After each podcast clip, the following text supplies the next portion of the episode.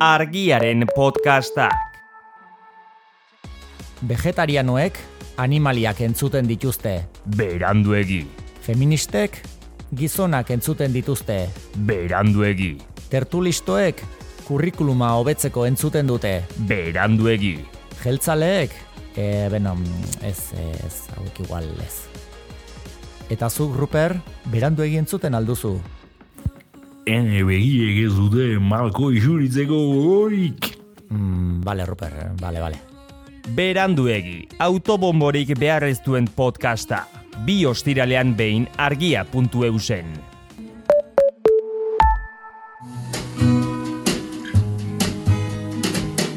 Don't know much about history.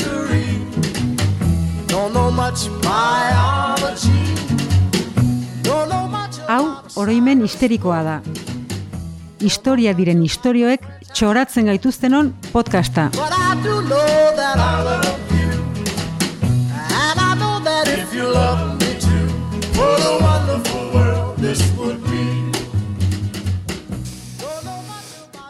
Ba, gaur Euskaldun jatorren eran agurtuko zaituztet.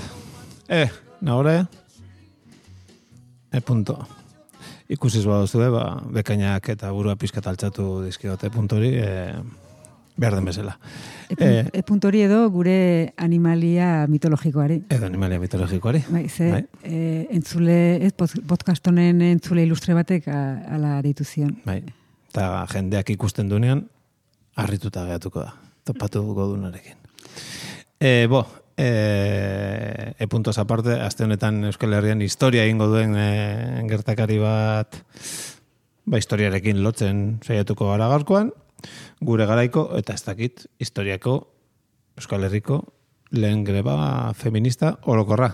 Bai, ala da, eta orduan aitzaki horrekin emakumek egindako lehen greba ekarriko dugu gogora, e, edo besan da emakumek bakarrik egindako greba. Ze gizonekin batera asko zenago egin zuten. Seguru. Bai. Izan ere, idatziz edo marraztuz igual esan berko genuke, hieroglifikotan jaso zutelako, e, ba hori, jasotako lehen greba krista horreko mila egun da berrogeita mabiko azaroaren amalauean egin zen. Zeinen aurretik esan duzu? E, Jesu Kristoren, Superstar. bai, alegia duela iru mila urte baino gehiago, Uh e, gaina azaroaren amalauan, urte hurrena duela gutxi Bai. e, bete da, esan bezala Egipton, eta e, Ramses irugarrenaren garaian. E, ta zehazki erregen e, aranean, ez, farabiaren hilobia egiten ari ziren langileak egin zuten greba, e, ba, aurrez hainbat egunez soldata ordaindu etzietelako. E, horrek esan nahi du, farabiaren e, hilo- hilobiak erekitzen ari zi- eritzen zirenak, e, lehenago piramidetan eta eta gero erregen aranean, langileak zirela.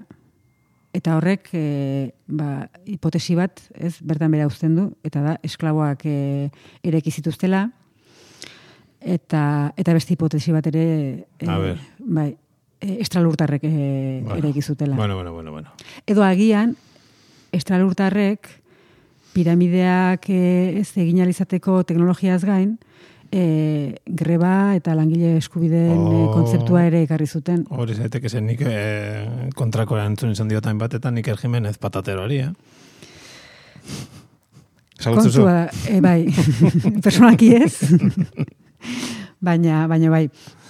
Em, kontua zaila dela esaten emakumeen lehen greba zen izan zen, ez? Baina, ba, e, gehienetan ez e, aipatzen dena da e, Londresen e, mila zortzireun da laurogeita zortzian egindakoa. Zehazki, pospolo, pospolo gileen greba. Bai. Bai. E, oroar, pospoloak e, fabrikatzeko sektoran, eta zehazki Londreseko istendeko fabrika batean, Bryant and May pospolo fabrikan, e, hortan aritzen zirenak, e, nagusiki emakumeak izate ziren, emakumeak edo neskatoak, ze adin txikiko neskatoak ere e, erabiltzen zituzten horretarako. E, lan horretan baldintzak oso kaskarra ziren, gutxinez hamar e, orduko landaldiak egiten zituzten, eta ez zuten soldata finkorik jasotzen, azkenean ekoiztukoaren arabera, ez, egindakoaren arabera kobratzen zuten, Jo, nekien globo eta Amazon gara hartan ere existitzen zirenik. bai, bai. Baina salbuspen bat zegoen. E, amala urte zazpiko neskatoak zaukaten privilegioa soldata finko bat e, jasotzekoa. Baitu. Asteko lau penikeko e, soldata.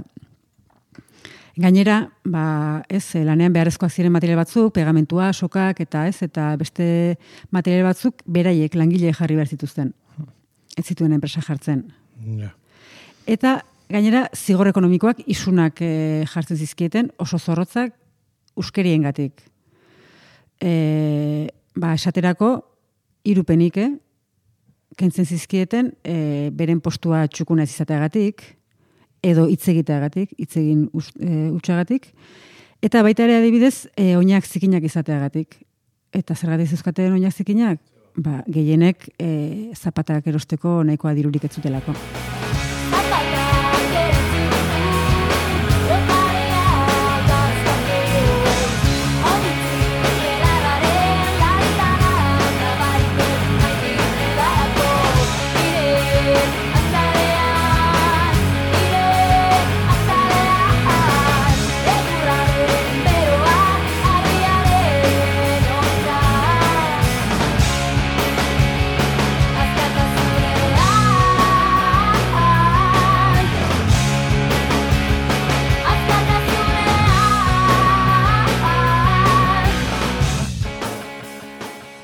Alegia naziren bati, hausitzeko sarreran eh, lanak egingo zaitu libre idaztea burutu aurretik, ba, eh, batez este baten bati ere Bai, burutu bai, bai, zitzaion.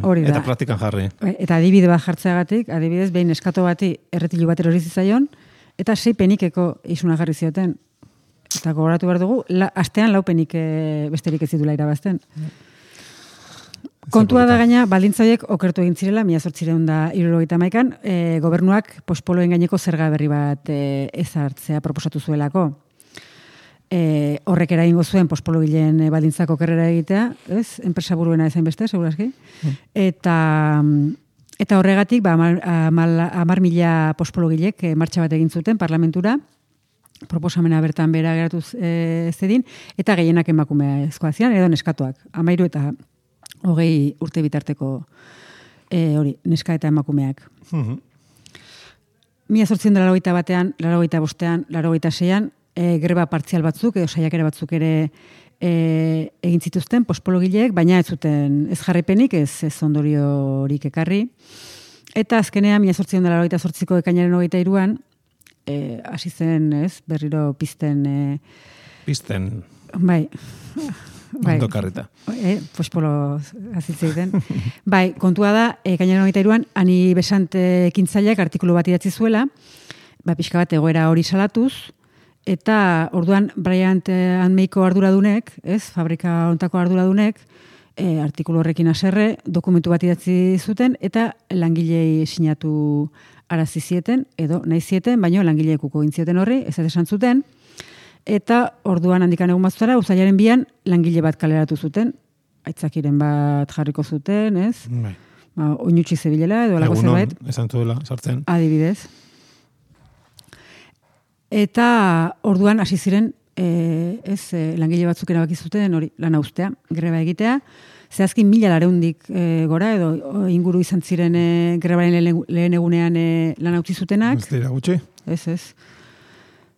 Eta orduan zuzendaritzak atzera egin zuen eta esan zuen kaleratutako langilea berriro e, kontratatzea onartu, onartzen, zuela. Baina pospologilek esan zuten ez ez. E, eskaera gehiago egin zituzten eta eta ordainetan gehiago behar zutela lanera itzultzeko. Handikan lau egunera, uztailaren seian, langile guztiak greban zeuden eta ekoizpena erabat eten da geratu zen. Amair urteko neskatuak fabrika geldiarazten. Bai, Gehi horren bezala. Orduan, ordezkaritza bat juntzen ani besanten gana, e, ani besant asko jo izan dute grebaren, piztaile, buruzagi, ez, e, moduan. Baina- Baina, e, hori da, haren gana jo zuten arte, ez zukan grebaren berririk, hau da zuk esan bezala, amair urteko neskatuak izan ziren, hori hori bultzatu zutenak. Baina bai, e, besantek lagundu zuela grebaren berri zabaltzen, grebalariek lortu zuten parlamentuko kideekin e, biltzea, eta prentxan ere sekulako jartzuna izan zuen kasuak, eta orduan bai, enpresak negoziatzea erabaki zuen. Ai, eta bideok. Mm, Bai. Em, langileen eskaera nagusiak, soldataren eta isunen ez, e, ingurukoak ziren, baina beste eskaera bat ere egin zuten. eta zan, e, bazkaltzeko toki bereizi bat izatea. Alegia, fosfororik ez zegoen toki batean bazkaltzeko aukera izatea. Ze, ze, ze. Ze gauzak, eh? Ze Eskatzen ziren, eskaten, eh? Bai, bai, Ze, bai. Ze, ze gauzak. Kontua da fosforoa, eta zehazki fosforo txuria, pospoloak egiteko era, erabiltzen zena, oso kaltegarria dela osasunerako, eta zehazki fo, fosfonekrosia eragiten duela. Fosfonekrosia eragiten duena da azkenean e, matrailezurren nekrosia, ez? Mhm. Azkenean matrailezurra ba, desegin egiten da. E, lehenengo sintoma izaten da normalean aginetako mina, ez? E, gero hortzak erortzen hasten zizaizkien, gero hortzoiak handitzen, eta bueno, azkenean gaixoen euneko hogei inguru e, hiltzen zen, baina gainerakoak ziren bat ere ondo geratzen. Ja. Ja, bueno, fosforo txuriak ere hori izan behar da, denez du txarra. E, Palestinan herritazte bilak eta terroristak bere izten dakien, zuntzipen handiko arma bat. i- eh, Inteligentea da, bai, bai, bai. bada. Hori da, bazpare. Eta gainera, e, enpresak, langilei, bi aukera emate zizkien, e, ja, egineko minakin eta zirenean, ez, e, nun aukeratua bat zeukaten, edo hortzagin guztiak erauztea, Beitu? edo lan austea. Pues, Ba, lan egin, ala bizita guztia Zaila, eh, zopa aukeratzen, eh?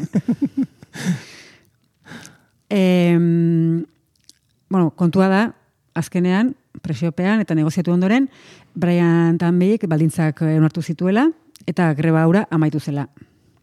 Baino, oraindik denbora pixka bat gehiago beharko zen e, fosforo txuria ekoizpenetik e, desagertarazteko, ba, gauza hauek oso mantxo, ez, joaten direlako.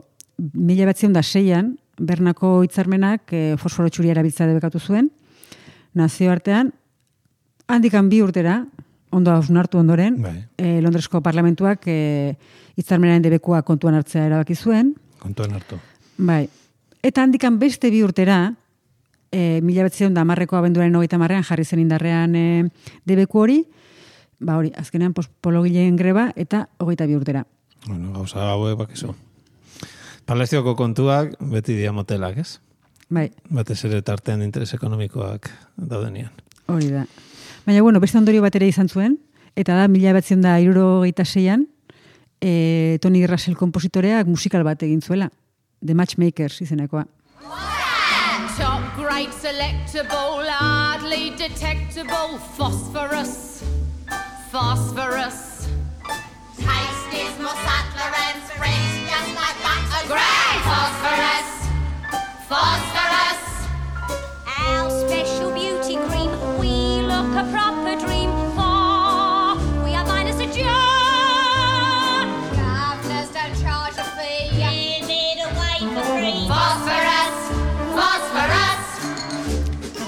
bueno, entzun dugu musikalaren e, pieza derrau.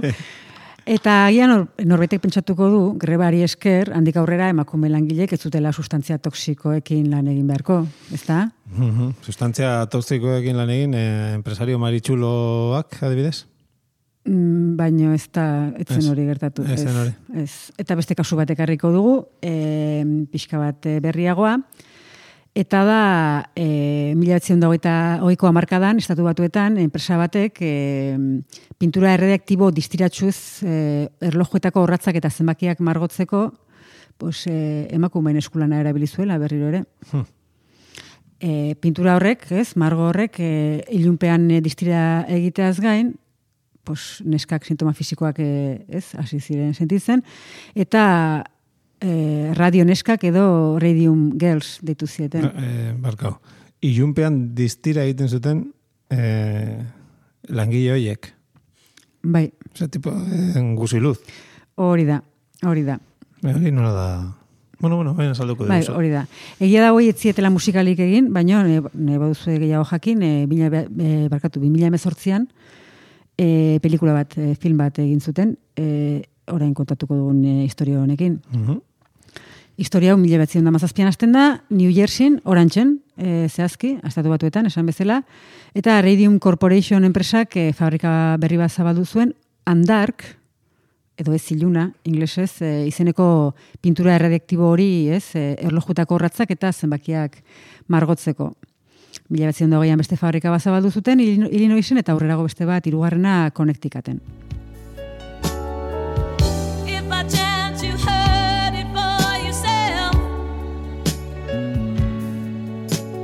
Never told the soldiers how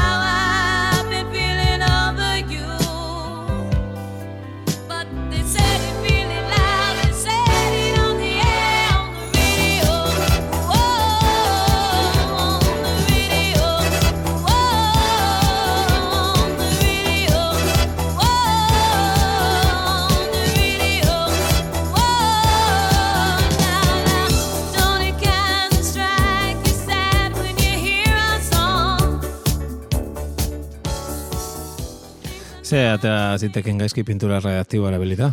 Bai, egia esan hasieran e, ekoizpenaneko txikia zen, ze e, ez e, ilunpean ikusitezken e, ordulariak luxuzko salgai oso bitxiak ziren, ez? Baina lehen mundu gerrak e, frogatu zuen oso erabigarriak zirela. E, e, azkenean militarrek, ez? E, agiri gabe eta, ez? Jakin edute zer Bai, orduan. bai, zerrutan Ia hilko diren. bai. Em, orduan, erakunde militarren eskaera geroz eta e, handiagoari erantzuteko, eundi gora lankile kontratatu zituzten, ez? E, New Yorkiko orantxeko egoitza e, horretarako, eta gehienak emakumeak edo neska gazteak, e, inkluso pospologiak baino gazteagoak ere kontratatu zituzten. Hamaika urteko neskak ere aritu ziren fabrikan. Azkenean esku txikiagoak eta trebeago omen zituztelako, ez? E, pues, Bai, bai. bai. Hori ere gaur egun gentat, gertatze omen da. Eh, Hemen ez, baina, bueno, gero esan dezatela kapitalismoak ez duela lani sortzen. Eh? Osea, umei ere lan merkatura sartzeko aukera esku eskura jartzen dira. Bai, eta gainera, e, enpresak honek, ez, e, Radium Corporation honek e, lelo bat sortu zuen, e, azkenean neskek erabili beharreko teknika labur bilduz. Lip Deep Paint, zan inglesez, hau da, Espainia murgildu margotu, ez itzuliko genuke. Hor esan nahi du, pues lehenik pintzela ahora eraman behar zutela, punta Espainiez busti, eta e, hola lana zehatzago, ez? E, busti, bustizkero lana zehatzago azelako eta hobeto egin zitekelako. Gero, pintzela handarke pinturan sartzen zuten, eta azkenik erlojuaren e, esfera margotzen zuten. Hori bine eta berriro.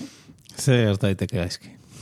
Eta orduan, radioarekin, ez, e, lanean aldi batean jardun ondoren, langileen arropak eta gorputzak ilunpean distira egiten hasi ziren. Eta Ghost Girls edo neska mamuak esaten e, zieten orduan.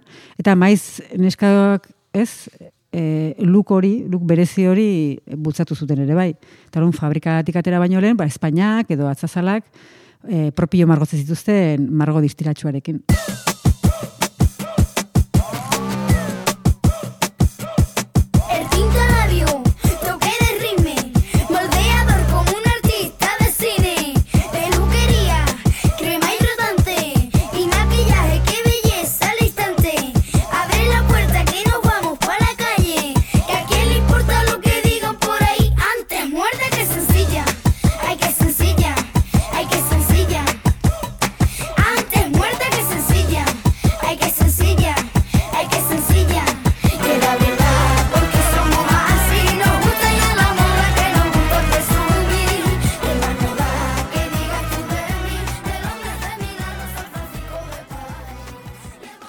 Modaren industria agian ez da zentzu gehien duen e, sektorea, eta kasu honetan mm, ez dakipa ala izan ote zen. Bai, eta norbait pentsatu dezake ere, pues, neska horiek ez ze harinak ziren, ez, harinkeria egotzi dakieke hori egiteagatik.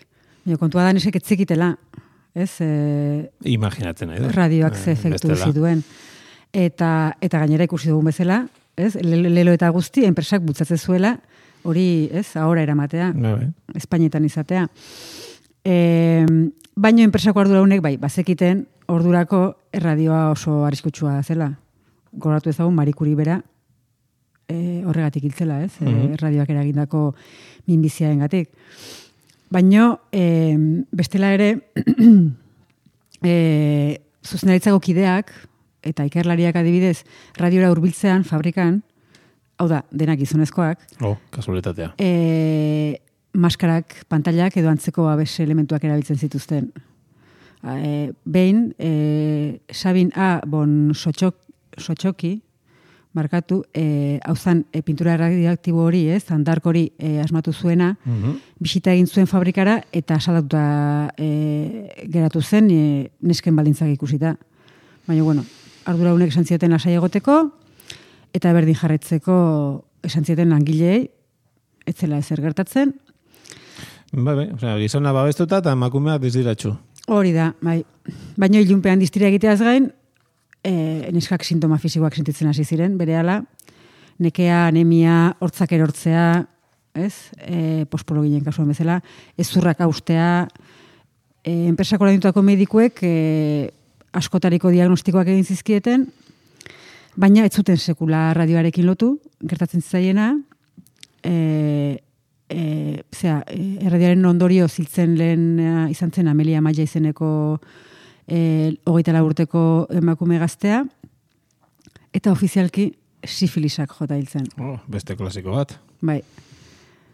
Eta azkenean hori egin zuten, ez, sifilisa askotan erabilitz- erabilitzukuten e, egoera e, salatzen hasi ziren neskak, azkenean gutxiesteko eta eta beraien erantzukizuna saiesteko. Bueno, neska diziratxu eta promiskuak. Hori da, hori da. Ya está. Bai, Ze gehiago behar da.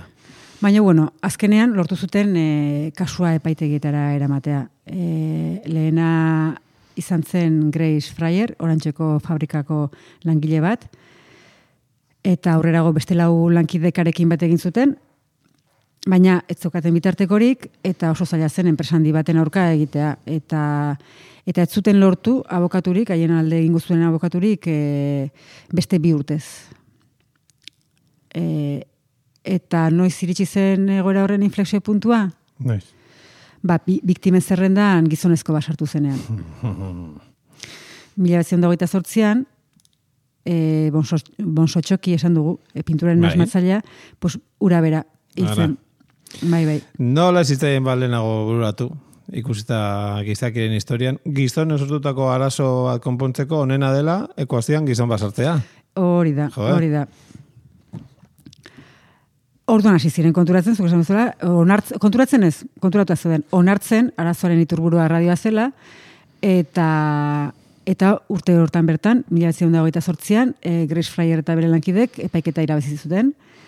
E, gero Illinoiseko plantako langileek ere antzeko bidea egin zuten, eta hogeita emezortzian e, lortu zuten e, aldeko sententzia. Baina, bueno, azkenean dirutan jasotako kalte ordainek e, ez zieten ezer e, gutxirako balio izan, ba, ba hori, salatzaileetako asko prozesua amaitu baino lehen e, hiltzirelako, edo e, hori, epaiketak ama- amaitu eta eta gutxira, ez, hilabete gutxitan hiltziren. Hmm.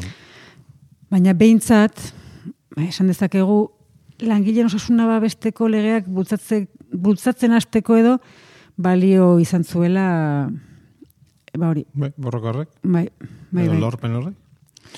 Bueno, ez dago gaizki, ez? Aztentan zeintza eta hortan ere diren langileen e, duintasuna aldarriko atu den ez luz eta zabale Euskal Herrian. Ba, langileen zaintza ere apuntu izan zuten borroka mugarria gogoraztea, ba, ez dago, ez dago soberan. Hori da. Beraz, ba, hoxe. Ea ostegunen ikusiko elkarkalian. Argiaren podcastak. Podcast hau libre eta doan zabaldezakegu argiaren komunitatea osatzen duten milaka lagunek proiektua diruz babesten dutelako. Zuk ere kazetaritza independentea babestu nahi baduzu, egin argiako kide. Argia, txikitik eragiten.